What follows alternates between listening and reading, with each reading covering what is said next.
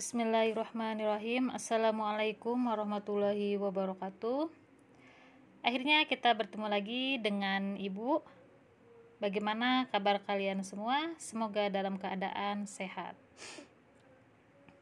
Pada kesempatan kali ini Alhamdulillah kita diberikan kesehatan Kesempatan untuk melanjutkan pembelajaran. Walaupun hanya melalui Sport TV Tetap eh, menjaga protokol kesehatan dalam keadaan pandemi saat ini. Pada minggu lalu, kita pernah ngebahas pengertian iman kepada Allah, hukum beriman kepada Allah, dan tugas malaikat. Alangkah baiknya, sebelum kita melanjutkan ke pembelajaran, kita baca basmalah dulu. Bismillahirrahmanirrahim. Uh, silahkan kalian buka buku LKS-nya halaman 8. Sekarang kita lanjutkan ke pembahasan perbedaan malaikat, manusia, dan jin. Malaikat itu terbuat dari cahaya atau anur. Iman kepada malaikat yaitu salah satu bagian dari rukun iman. Iman kepada malaikat di sini memiliki maksud untuk meyakini adanya malaikat.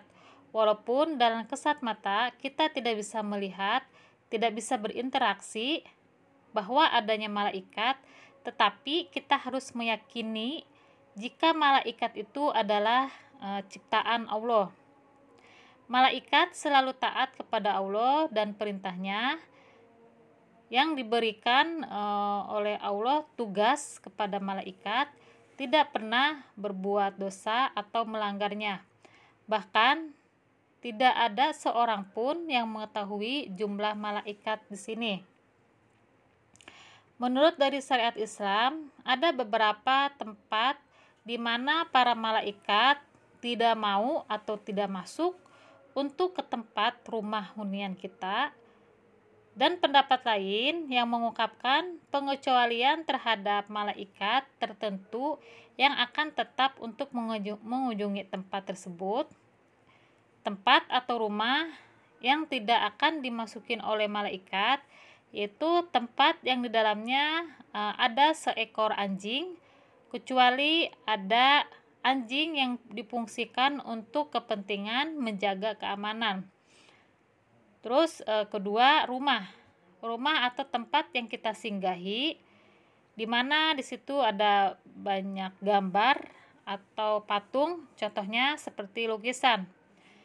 Ketiga, tempat yang bau atau yang kotor di mana malaikat e, rahmat tidak akan datang untuk mengunjunginya. Kesemuanya e, di atas berdasarkan dari hadis soheh yang dicatat oleh para imam.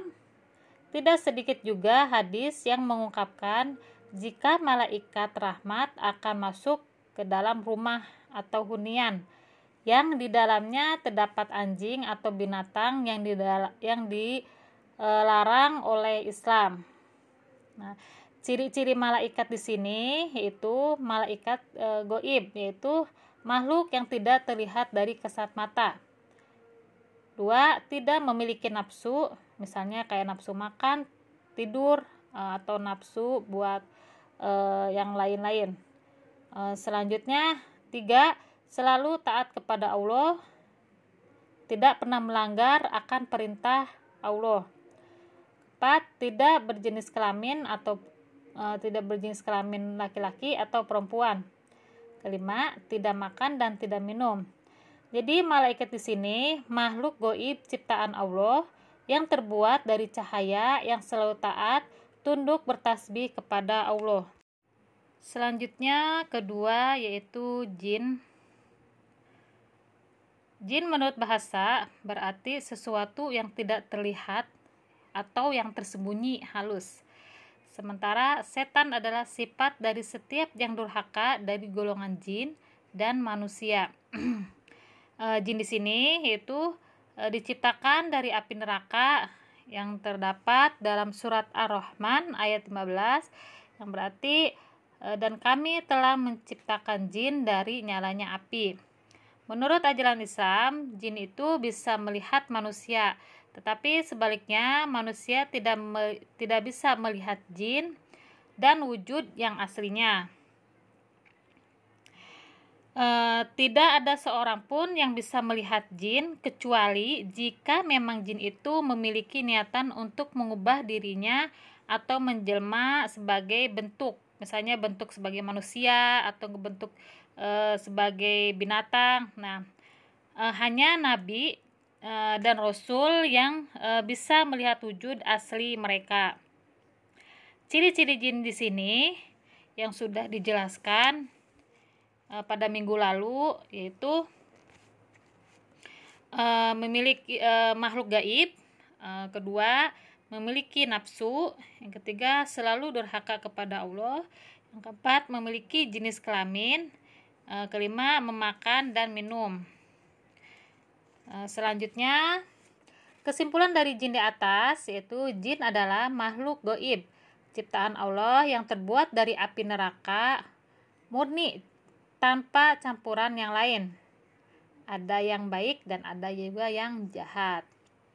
Yang ketiga yaitu manusia. Manusia eh, atau orang bisa diartikan berbeda dari segi biologis. Asal muasal manusia itu yaitu eh, dari ciptaan manusia yang pertama adalah Nabi Adam alaihi salam. Nabi Adam alaihi salam merupakan yang diciptakan oleh Allah, e, diberikan ilmu, pengetahuan, serta kesempurnaan dengan segala macam karakter yang dimilikinya. Tujuan utama Allah menciptakan manusia adalah agar manusia bisa menjadi khalifah atau pemimpin di muka bumi ini. Manusia itu terbuat dari tanah uh, sarifati mani.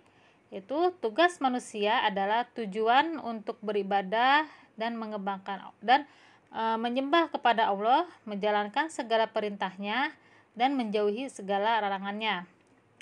Hakikat manusia menurut pandangan Islam yaitu sebagai hamba Allah Hakikat manusia yang paling utama adalah sebagai hamba Allah, maka manusia tersebut dengan wajib atau e, mengabdi kepada Allah dengan cara menjalani perintahnya dan menjauhi larangannya. Sebagai seorang hamba, manusia juga wajib menjalankan ibadah, sholat, puasa, zakat bagi yang mampu, dan melakukan berbagai ibadah yang lain dengan penuh keikhlasan. Kedua, sebagai anas, Anas dalam Al-Quran cenderung terhadap hakikat manusia dengan hubungannya e, manusia lain atau bersosialisasi di lingkungan masyarakat. Artinya, e, maksudnya di sini antara manusia yang satu dengan yang lainnya saling berkomunikasi, saling menjalin silaturahmi, saling menghargai, dan saling menghormati. Yang ketiga, sebagai khalifah Allah uh, telah ditulis di di atas jika memang tujuan menciptakan manusia ini adalah sebagai khalifah atau pemimpin di muka bumi ini. E, maksudnya, maka dari itu sebagai seorang khalifah e, kita masing-masing manusia akan e, dimintai suatu bentuk pertanggungjawaban di akhir kelak. Yang keempat, sebagai Bani Adam manusia disebut sebagai Bani Adam atau keturunan e, adalah salah satu bukti agar terjalin suatu untuk kesalahan pemahaman jika manusia adalah e, hasil evolusi dalam Islam. Manusia sebagai Bani Adam guna menghormati nilai-nilai pengetahuan dan hubungan di dalam masyarakat. Uh, nomor 5 sebagai al-insan. Tidak hanya menjadi al-anas saja, melainkan di dalam Al-Quran juga disebut sebagai al-insan yang menunjukkan kemampuan dalam e, menguasai ilmu, pengetahuan, dan teknologi. Tidak hanya e, menguasai ilmu di sini, pengetahuan dan teknologi saja, melainkan juga eh, diberikan kemampuan untuk berbicara atau melakukan eh, berbagai macam hal yang eh, bisa dilakukan eh, oleh manusia. Yang keenam, sebagai eh, makhluk biologis, manusia sebagai makhluk biologis itu dikarenakan hanya manusia mempunyai fisik atau raga yang bisa melakukan berbagai e, macam aktivitas atau kegiatan fisik ya seperti kita ya e, sama seperti makhluk yang lainnya yang ada di bumi seperti hewan e, tumbuhan hakikatnya manusia juga sebagai makhluk biologis bisa berakhir dengan mengalami kematian atau meninggal yang mana setiap amal perbuatan akan dipertanggungjawabkan di akhir kelak. Nah, ciri-ciri manusia di sini yang sudah kita, uh, kita ketahui itu makhluk nyata, maksudnya makhluknya ada wujudnya, uh, tidak seperti malaikat atau jin. Terus yang kedua kita memiliki nafsu.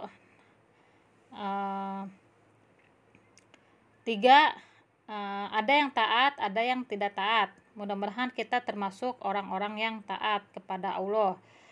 Yang keempat, berjenis kelamin perempuan atau laki-laki. Kita bisa makan dan minum, uh, memiliki akar pikiran yang bersifat dinamis. Jadi kita itu udah sangat-sangat sempurna ya diberikan oleh Allah itu diberikan akal, diberikan uh, kecerdasan, diberikan pikiran kita masih bisa bersyukur karena telah diberikan kesempurnaan oleh Allah. Di sini masih ada sisa waktu, mari kita manfaatkan dan pergunakan dengan sebaik-baiknya. Di Google Classroom, kalian bisa ngelihat di situ ada dua soal eh, dan langsung jawab di kolom komentar karena untuk nilai keaktifan. Selanjutnya di situ juga ada soal di Google Classroom, bisa diisi kapan aja eh, ada batas waktu yang sudah disiapkan ya jadi dipergunakan dengan sebaik-baiknya eh, waktu yang tersisa. Mohon maaf bila ada kata-kata yang salah. Cukup sekian dari ibu. Wabillahi taufiq walidayah wassalamualaikum warahmatullahi wabarakatuh